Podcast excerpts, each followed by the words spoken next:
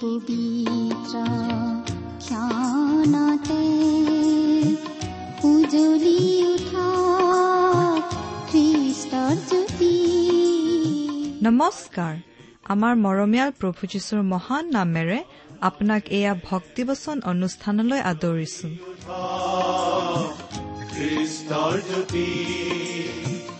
আকাশ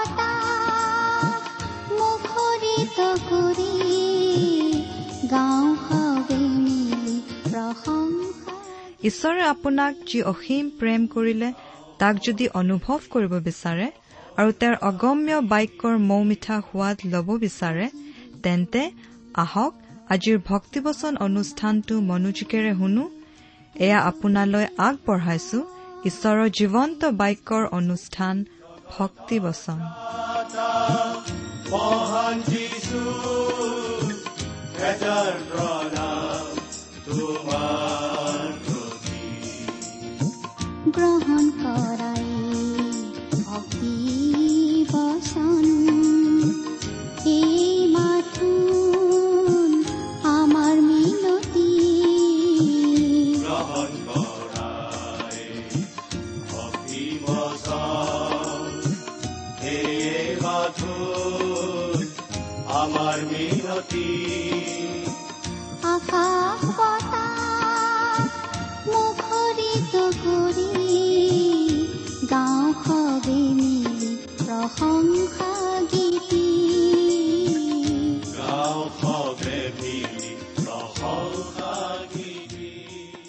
আমাৰ মহান ত্ৰাণকৰ্তা প্ৰভু যীশুখ্ৰীষ্টৰ নামত নমস্কাৰ প্ৰিয় শ্ৰোতা।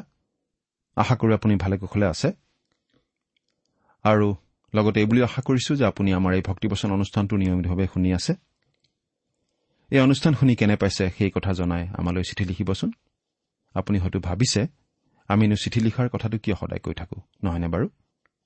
আচলতে আমি শ্ৰোতাসকলৰ পৰা চিঠি পালেহে জানিব পাৰো আমাৰ এই অনুষ্ঠানটো ৰাইজে শুনি আছে বুলি।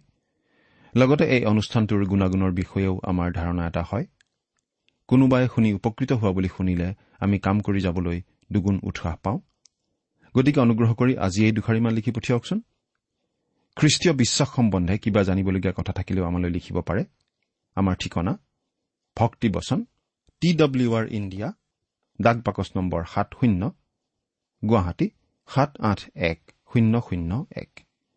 ভক্তিবচন টি ডব্লিউ আৰ ইণ্ডিয়া ডাক বাকচ নম্বৰ সাত শূন্য গুৱাহাটী সাত আঠ এক শূন্য শূন্য এক।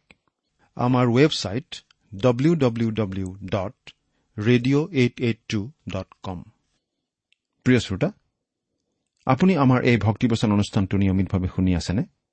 যদিহে শুনি আছে তেনেহলে আপোনাৰ নিশ্চয় মনত আছে যে আমি এতিয়া বাইবেলৰ অধ্যয়ন আৰম্ভ কৰিছো। আমি মাজে মাজে বাইবেলৰ পুৰণি নিয়ম আৰু মাজে মাজে নতুন নিয়ম খণ্ডৰ পৰা একোখনকৈ পুস্তক লৈ অধ্যয়ন চলাই যাম বুলি কৈছো আৰু প্ৰায় পাঁচ বছৰমানৰ ভিতৰত আমি এনেদৰে গোটেইখন বাইবেল পঢ়ি শেষ কৰিম বুলি কৈছো। আপুনি নিয়মিতভাৱে আমাৰ এই অনুষ্ঠান শুনি থাকিলে আমাৰ লগতে আপুনিও গোটেইখন বাইবেল পঢ়ি শেষ কৰিব পাৰিব। বাইবেলৰ অধ্যয়ন আৰম্ভ কৰাৰ আগতে আমি কেইটামান অনুষ্ঠানত বাইবেলৰ লগত সম্বন্ধ থকা কথা কিছুমান আলোচনা কৰিছো। ইতিমধ্যে আগৰ সাতটা অনুষ্ঠানত আমি বাইবেলৰ বিষয়ে পৰিচয় আগবঢ়ালো আৰু কিছুমান গুৰুত্বপূৰ্ণ কথা আলোচনা কৰিলো। যোৱা অনুষ্ঠানত বাইবেল অধ্যয়নৰ ক্ষেত্ৰত আমি পালন কৰিবলগীয়া নিৰ্দেশনা কেইটামানৰ কথা আলোচনা কৰিছিলো। আজিও আমি তেনেধৰণৰ কথা আলোচনা কৰিবলৈ ওলাইছো। কিন্তু আহকচোন তাৰ আগতে আমি খন্তেক প্ৰাৰ্থনাত মূৰ দুৱাওঁ। আমি প্ৰাৰ্থনা কৰো।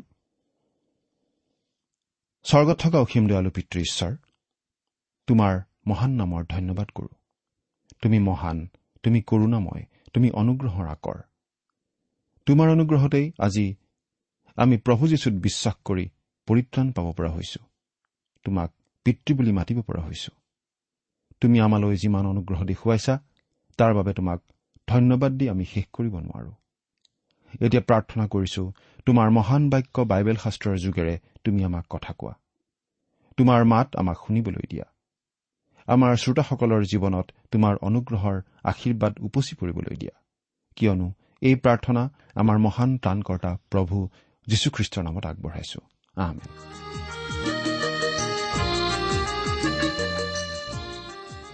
প্ৰিয় শ্ৰোতা বাইবেল অধ্যয়ন কৰাৰ ক্ষেত্ৰত পালন কৰিবলগীয়া কেইটামান নিৰ্দেশনাৰ কথা আমি আলোচনা কৰি আছো।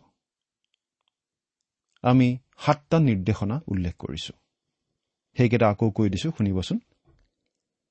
প্ৰথমতে প্ৰাৰ্থনাৰে আৰম্ভ কৰক। দ্বিতীয়তে বাইবেলখন পঢ়ক। তৃতীয়তে বাইবেলখন অধ্যয়ন কৰক। চতুৰ্থতে বাইবেলৰ কথা ধ্যান কৰক। পঞ্চমতে আনে বাইবেলৰ বিষয়ে কি লিখিছে পঢ়ক। ষষ্ঠতে বাইবেলখন মানক। আৰু সপ্তমতে আনক শিকাওক।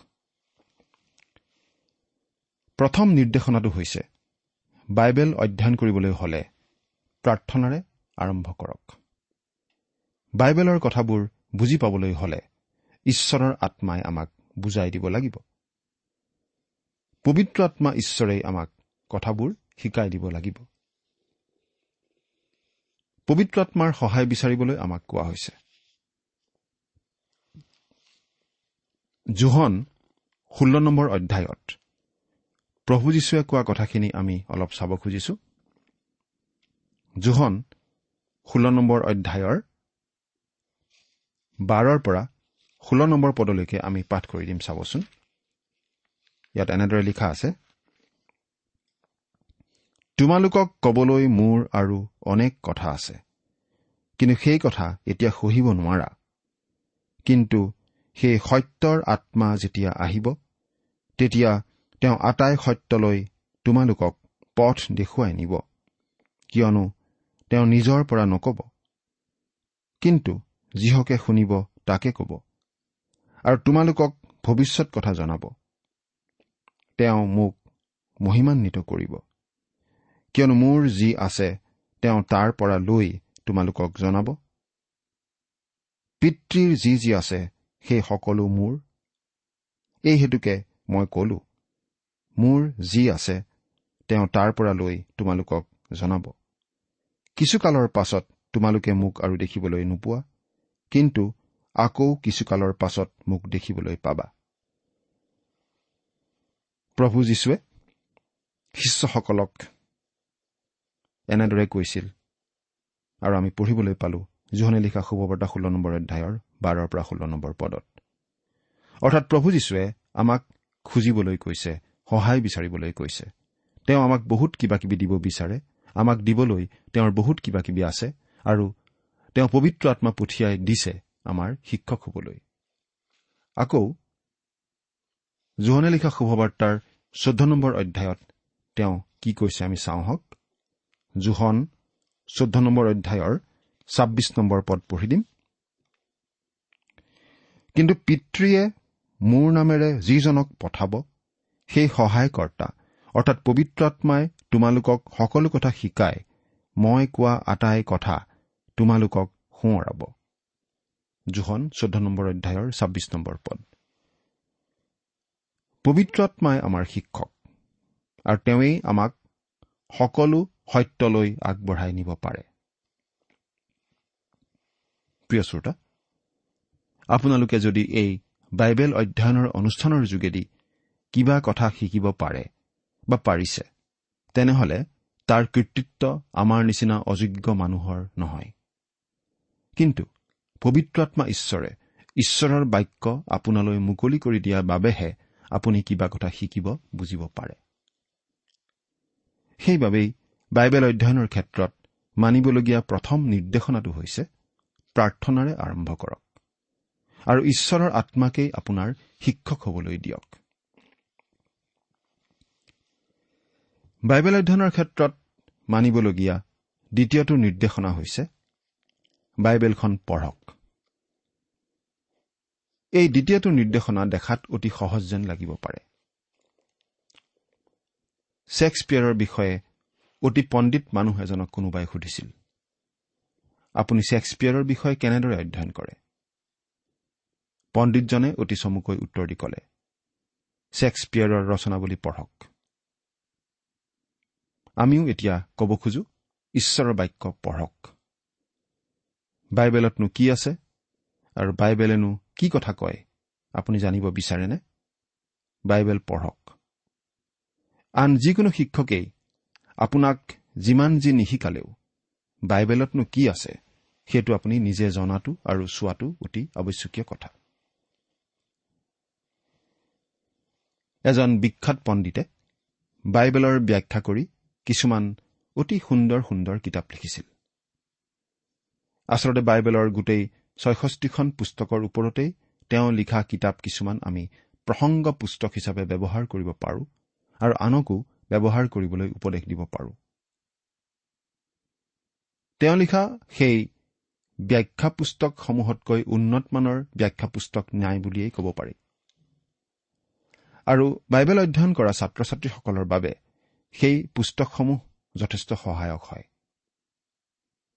কিন্তু সেই বিখ্যাত পণ্ডিতজনৰ বিষয়ে আমি পঢ়িবলৈ পাওঁ যে তেওঁ হেনো বাইবেলৰ কোনো এখন পুস্তক পঞ্চাছ বাৰ নপঢ়াকৈ সেই পুস্তকৰ বিষয়ে এটা বাক্যও নিলিখিছিল। গতিকে প্ৰিয় শ্ৰোতা সৎকৰ্ম কৰি কৰি নিৰুৎসাহ নহ'ব। ঈশ্বৰৰ বাক্য কেৱল পঢ়ি থাকক। প্ৰথমবাৰ পঢ়ি যদি একো ধৰিব নোৱাৰে তেনেহলে দ্বিতীয়বাৰ পঢ়ক। যদি দ্বিতীয়বাৰত আপুনি একো ধৰিব নোৱাৰে তৃতীয়বাৰ পঢ়ক পঢ়ি থাকক। আপুনি ঈশ্বৰৰ বাক্যত কি কি আছে নিশ্চয় জানিব পাৰিব। বাইবেলৰ নহিমীয়া পুস্তকত এটা অতি মন কৰিবলগীয়া ঘটনাৰ কথা আমি পঢ়িবলৈ পাওঁ। আমি পাঠ কৰি দিব খুজিছো নহিমীয়া আঠ নম্বৰ অধ্যায়ৰ একৰ পৰা তিনি নম্বৰ পদলৈকে। পাঠ কৰি দিম। পাছে সপ্তম মাহ পৰিলত ইছৰাইলৰ সন্তানবিলাক নিজ নিজ নগৰত আছিল। সেই সময়ত সকলো লোকে এজন মানুহ যেন হৈ জলদুৱাৰৰ আগত থকা মুকলি ঠাইখনলৈ আহি তাত গোট খালে আৰু ইছৰাইলৰ নিমিত্তে জিহুৱাই আদেশ কৰা মুচিৰ ব্যৱস্থা পুস্তক আনিবলৈ ইজৰা অধ্যাপকক কলে। তাতে সপ্তম মাহৰ প্ৰথম দিনা ইজৰা পুৰোহিতে সমাজৰ আগলৈ স্ত্ৰী পুৰুষ আদি যিমান মানুহে বুজি পাব পাৰে তেওঁবিলাকৰ ওচৰলৈ সেই পুস্তক আনিলে আৰু জলদুৱাৰৰ আগত থকা মুকলি ঠাইখনত স্ত্ৰী পুৰুষ আদি যিমান লোকে শুনি বুজিব পাৰে তেওঁলোকৰ আগত তেওঁ ৰাতিপুৱাৰে পৰা দুপৰলৈকে তাক পাঠ কৰিলে। তাতে সকলো লোকে ব্যৱস্থা পুস্তকৰ কথা শুনিবলৈ কাণ পাতি আছিল। এইখিনি বাইবেলৰ অতিশয় গুৰুত্বপূৰ্ণ আৰু বিশেষভাৱে মন কৰিবলগীয়া অংশ। যিহুদী লোকসকল বাবিল দেশত সত্তৰ বছৰ কাল বন্দী হৈ আছিল। তাৰ পাছত তেওঁলোক নিজ দেশলৈ উভতি আহিছিল। গতিকে তেওঁলোকৰ মাজৰ বহুতে আগতে ঈশ্বৰৰ বাক্য শুনিবলৈ কতো সুবিধাই পোৱা নাছিল। সেই সময়ত শাস্ত্ৰখন মানুহৰ বাবে সহজলভ্যও নাছিল। বাইবেলখনৰ এশটামান বেলেগ বেলেগ অনুবাদ তেতিয়া নাছিল। প্ৰতিদিনে নতুন নতুন অনুবাদ বাহিৰ নহৈছিল। হয়তো মাত্ৰ এটা বা দুটা প্ৰতিলিপিহে আছিল আৰু ইজৰা পুৰোহিতৰ হাতত তাৰে এটা প্ৰতিলিপি আছিল। তেওঁ জিৰচালেমৰ জলদুৱাৰৰ আগত থিয় হৈ সেই শাস্ত্ৰ পঢ়ি দিছিল মানুহবিলাকৰ আগত। নহিমীয়া আঠ নম্বৰ অধ্যায়ৰ এতিয়া আঠ নম্বৰ পদটো পঢ়িম। এইদৰে তেওঁবিলাকে স্পষ্টকৈ উচ্চাৰণ কৰি ঈশ্বৰৰ ব্যৱস্থা পুস্তক পাঠ কৰিলে আৰু লোকবিলাকে বুজিব পৰাকৈ তাৰ অৰ্থ উলিয়াই দিলে। ইয়াত যি বৰ্ণনা আছে তাৰ পৰা আমি এটা কথা অনুমান কৰিব পাৰো যে লেবিয়া ফৈদৰ মানুহখিনি মানুহবোৰৰ মাজত এটা অংশত একেলগে বহিছিল। ইজৰাই কোনো এটা অংশ পঢ়াৰ পাছত ৰৈছিল যাতে শুনি থকা মানুহবোৰে বুজি নাপালে প্ৰশ্ন সুধিব পাৰে আৰু তেওঁলোকক বুজাই দিবলৈ সাজু কৰি ৰখা মানুহবোৰে বুজাই দিব পাৰে। নহিমীয়া আঠ নম্বৰ অধ্যায়ৰ সাত নম্বৰ পদটো পঢ়ো। আৰু জেচুৱা বাণী চেৰেবিয়া জামিন অক্কুব চব্বথয় হুদিয়া মাছেয়া কলিতা অজৰিয়া যোজাবদ হানন পলায়া আৰু লেবিয়াবিলাকে লোকবিলাকক ব্যৱস্থা পুস্তকখনৰ অৰ্থ বুজাই দিলে আৰু লোকবিলাক নিজ নিজ ঠাইত থিয় হৈ আছিল। অৰ্থাৎ তেওঁলোকে কেৱল বাইবেল পঢ়ি দিয়েই ৰোৱা নাছিল মানুহবোৰে যাতে বুজি পাব পাৰে তাৰ ব্যৱস্থা তেওঁলোকে কৰিছিল। এৰা প্ৰিয় শ্ৰোতা আমি বাইবেলখন পঢ়িব লাগে। আজি ঈশ্বৰৰ বাক্য বাইবেল শাস্ত্ৰ পঢ়াৰ পৰা মন বিপথে নিবলৈ বহুত কিবা কিবি ওলাইছে। বাইবেল শাস্ত্ৰ পঢ়াৰ পৰা মানুহ আঁতৰি থকাৰ বহুতো কাৰণ থাকে। আৰু শুনিলে আচৰিত লাগিব পাৰে যে মানুহে বাইবেল পঢ়িবলৈ অৱহেলা কৰাৰ এটা অতি ডাঙৰ কাৰণ হৈছে গীৰ্জা। আজিৰ গীৰ্জাঘৰসমূহ খ্ৰীষ্টীয় মণ্ডলীবিলাক বিভিন্ন কমিটি বিভিন্ন অনুষ্ঠান ভোজ ভাত আমোদ প্ৰমোদৰ অনুষ্ঠান অৰ্থ সংগ্ৰহৰ কাৰ্যসূচী আদিৰে এনেকৈ ভৰি থাকে যে কিছুমান মণ্ডলীত আনকি ঈশ্বৰৰ বাক্য আলোচনা কৰাই নহয়। আমাৰ শুনিলে হয়তো আচৰিত লাগিব যে কিছুমান মণ্ডলীত আনকি ঈশ্বৰৰ বাক্যৰ পৰা শিক্ষা দিয়া গীৰ্জা উঠিয়েই যাব ধৰিছে। তাৰ সলনি তেওঁলোকে মানুহবোৰক নিজৰ নিজৰ মনৰ ভাৱ ব্যক্ত কৰিবলৈ সুবিধা দিয়ে।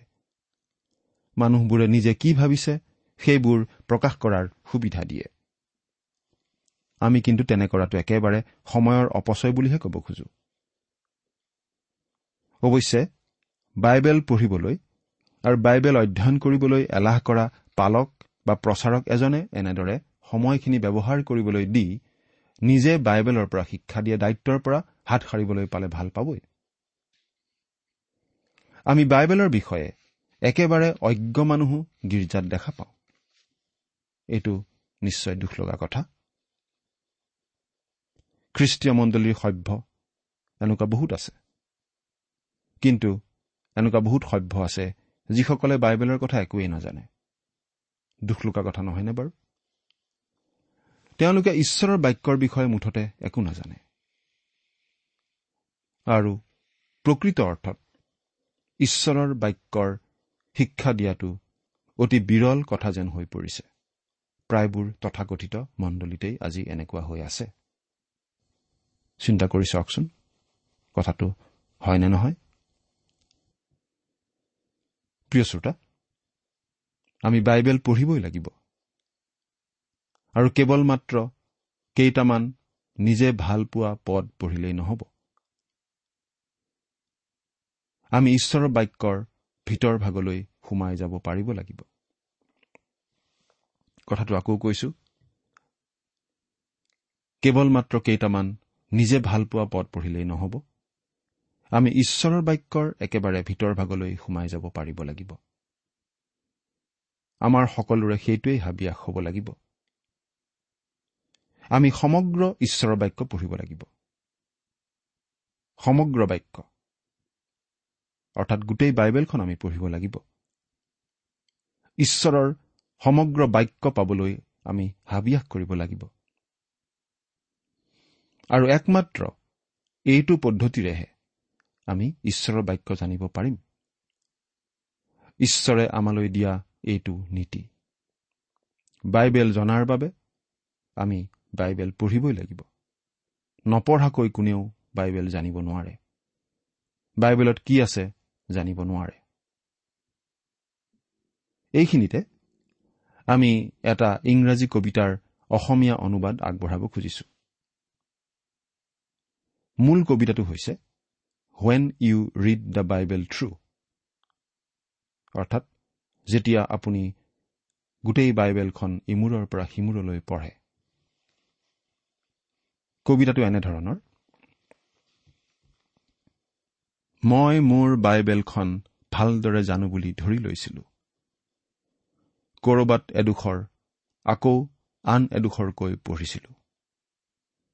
এতিয়াই জোহন বা মঠিৰ পৰা এটা অংশ তাৰ পাছতেই আদি পুস্তকৰ পৰা অলপ অংশ। জিচয়াৰ পৰা দুটামান অধ্যায় কেইটামান গীত গীতমালাৰ তেইছ নম্বৰ গীত। ৰোমিয়া পুস্তকৰ বাৰ নম্বৰ অধ্যায় সিটোপদেশৰ প্ৰথম অধ্যায়। এৰা মই ঈশ্বৰৰ বাক্য জনা বুলি ভাবিছিলো। কিন্তু মই আৱিষ্কাৰ কৰিলো যে এফালৰ পৰা ভালদৰে পঢ়াৰ অভিজ্ঞতাটো সুকীয়া। যেতিয়া মই বাইবেলখন সম্পূৰ্ণকৈ পঢ়িব ধৰিলো অচিনাকি বাটেৰে খোজ দিয়া যেন পালো। আপোনালোকৰ যিসকলে বাইবেল খেল খেলি থাকে অলপ ডুব মাৰি ইফালে সিফালে ভাগৰত আঁঠুকাঢ়ি হামিয়াই চুটি প্ৰাৰ্থনা কৰাৰ আগে আগে। আপোনালোক যিসকলে সকলো লিখনিৰ শিৰোমণিস্বৰূপ বাইবেলখনক এনেকুৱা কৰে আন কোনো কিতাপকেই তেনেকুৱা নকৰে। লাগ বান্ধ নথকা দফা এটা পঢ়ে অধৈৰ্যভাৱে ওপৰে ওপৰে চায়। তাতকৈ অধিক উচিত প্ৰণালী এটা চেষ্টা কৰি চাওক। বহল আৰু স্থিৰ দৃষ্টি দি চাওক। আপুনি নিজক পাহৰি আঁঠু ল'ব যদিহে বাইবেলখন সম্পূৰ্ণকৈ পঢ়ে। এৰা প্ৰিয় শ্ৰোতা মুঠতে আমি বাইবেলখন পঢ়িবই লাগিব। সেইটো অতি প্ৰয়োজনীয় কথা। বাইবেল অধ্যয়নৰ ক্ষেত্ৰত আমি মানিবলগীয়া তৃতীয়টো নিৰ্দেশনা হৈছে বাইবেলখন অধ্যয়ন কৰক। বাইবেলখন অধ্যয়ন কৰক। এইটো নিশ্চয় এটা বৰ দৰকাৰী গুৰুত্বপূৰ্ণ কথা। বহু বছৰ আগতে এজন বিখ্যাত বাইবেল পণ্ডিতৰ ওচৰলৈ মানুহ এজন আহি তেওঁক এইবুলি কৈছিল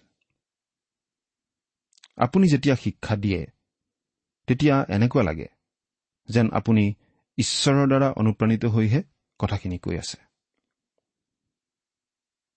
তেতিয়া সেই বিখ্যাত পণ্ডিতজনে উত্তৰ দি কৈছিল inspiration is ninety five percent perspiration অৰ্থাৎ সেই অনুপ্ৰেৰণাৰ আচলতে শতকৰা পঁচানব্বৈ ভাগ কেঁচা ঘাম। অৰ্থাৎ সেইটো কষ্টৰ ফল। আমি বাইবেলখন ভালদৰে অধ্যয়নো কৰিব লাগিব। আমি আৰু এটা কথা বিশেষভাৱে মনত ৰখা উচিত যে আমি নিজে অধ্যয়ন কৰি যিখিনি কথা আয়ত্ব কৰি ল'ব পাৰোঁ নাইবা যিখিনি কথা নিজে অধ্যয়ন কৰি বুজি পোৱাৰ সামৰ্থ্য আমাৰ আছে সেইখিনি কথা ঈশ্বৰৰ আত্মাই আমাক শিকাই নিদিয়েহি। এজন বিখ্যাত বাইবেল শিক্ষকে এই বুলি লিখিছিল মই এটা বাইবেল স্কুলত পাঠদান কৰিছিলো। শ্ৰেণীত সকলো ধৰণৰ ডেকা ডেকেৰি আদি আছিল। তেওঁবিলাকৰ মাজত কেইজনমান অতি ধাৰ্মিক ভদ্ৰলোকো আছিল। আৰু এই ডেকা ডেকেৰিবিলাকক মই কিছুদিন পাছত খুব ভালদৰে বুজি পাইছিলো। কিন্তু মই স্বীকাৰ কৰিবই লাগিব যে প্ৰথমতে মই তেওঁলোকক বুজি পোৱা নাছিলো। তেওঁলোকে যে অতি ধাৰ্মিক আচৰণ কৰিছিল সেই বাহ্যিক আচৰণৰ আচৰণেৰে আচলতে তেওঁলোকে ঈশ্বৰৰ বাক্যৰ ক্ষেত্ৰত তেওঁলোকৰ যি অজ্ঞতা আৰু প্ৰচণ্ড শূন্যতা সেইখিনি ঢাকি ৰাখিছিল। তেওঁলোকৰ কোনো কোনোৱে আনকি পৰীক্ষাৰ আগদিনাখন ৰাতি একো অধ্যয়ন নকৰে কিন্তু পৰীক্ষাৰ সময়ত সদায় অজুহাত দেখুৱাই ক'ব খোজে যে আগদিনা তেওঁলোকে কোনো প্ৰাৰ্থনা সভা নাইবা আন কোনো উপাসনা সেৱাত ব্যস্ত আছিল। মোৰ এনেকুৱা ভাৱ হৈছিল তেওঁলোকৰ কিছুমানে কিজানি এনেদৰে ভাবিছিল যে তেওঁলোকে ৰাতি গাৰুৰ তলত বাইবেলখন লৈ টোপনি গলেই হ'ল আৰু গাৰুটোৰ কপাহৰ মাজেদি ইছৰাইল আৰু জিহুদাৰ নিচিনা নামবোৰ বগাই বগাই আহি তেওঁলোকৰ মগজুত সোমাই পৰিবহি। কিন্তু তেনেদৰে কপাহৰ মাজেদি নামবোৰ নিশ্চয় সোমাই নাহে কেতিয়াও নাহে। আমি উঠি বহি ঈশ্বৰৰ বাক্য অধ্যয়ন কৰিব লাগিব। প্ৰিয় শ্ৰোতা ঈশ্বৰৰ বাক্য জানিবলৈ বুজিবলৈ আপুনি বাৰু এনেদৰে কষ্ট কৰেনে? এনেদৰে কষ্ট কৰাৰ যোগেৰে আচলতে আপুনি ঈশ্বৰৰ প্ৰতি শ্ৰদ্ধাৰ ভাৱ দেখুওৱা হয়। সেই কথাবোৰ চিন্তা কৰি চাইছেনে? ঈশ্বৰে আপোনাক আশীৰ্বাদ কৰক আমেন।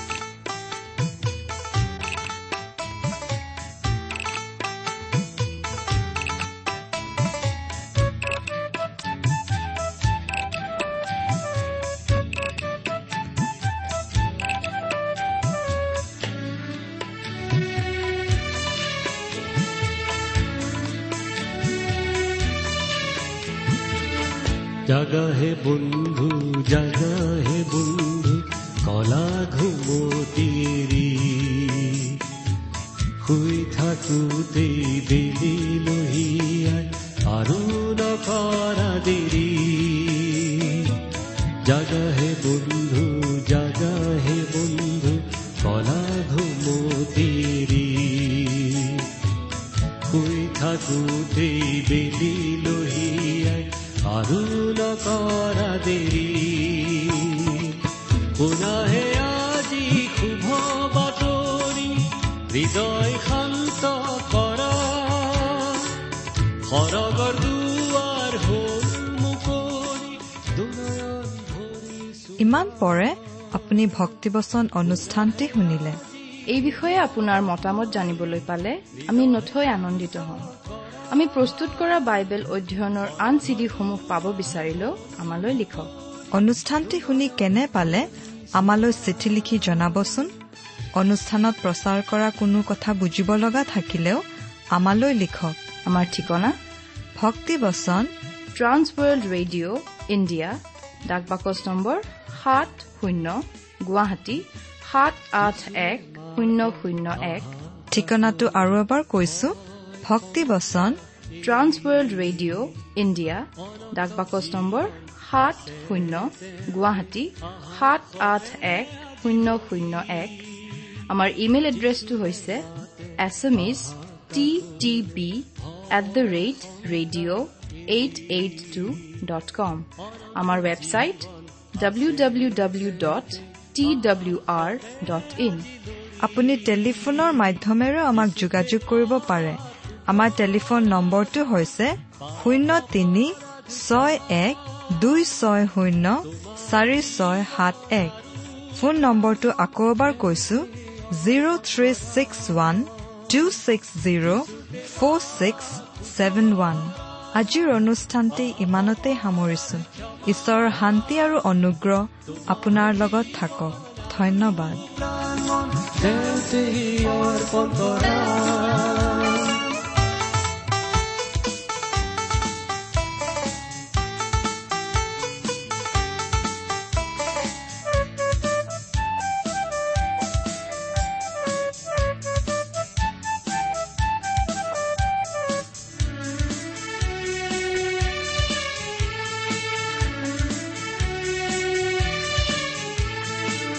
যিচুৱে মাতে আহা কাষৰে ভয় শংকা অনন্ত জীৱন আছে তেওঁতে আহা সবে আজি দৰি। যিচুৱে মাতে আহা কাষৰে ভয় শংকা অনন্ত জীৱন আছে তেওঁতে আহা যিচুতে পাবা সুখৰ আধাৰ পাপ পৰাধ ক্ষমা। তোমাৰ জীৱন আৰু প্ৰাণ অৰ্পণ কৰা। যিচুতে পাবা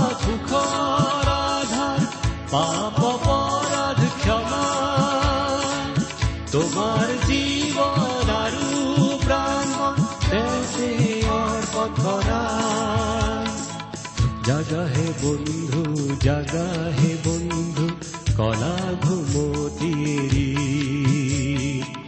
শুই থাকোতেই বেলি লহিয়াই আৰু নকৰা দেৰি জাগা হে বন্ধু জাগা হে বন্ধু কলা ঘুমতিৰি শুই থাকোতেই বেলি লহিয়াই আৰু নকৰা দেৰি আৰু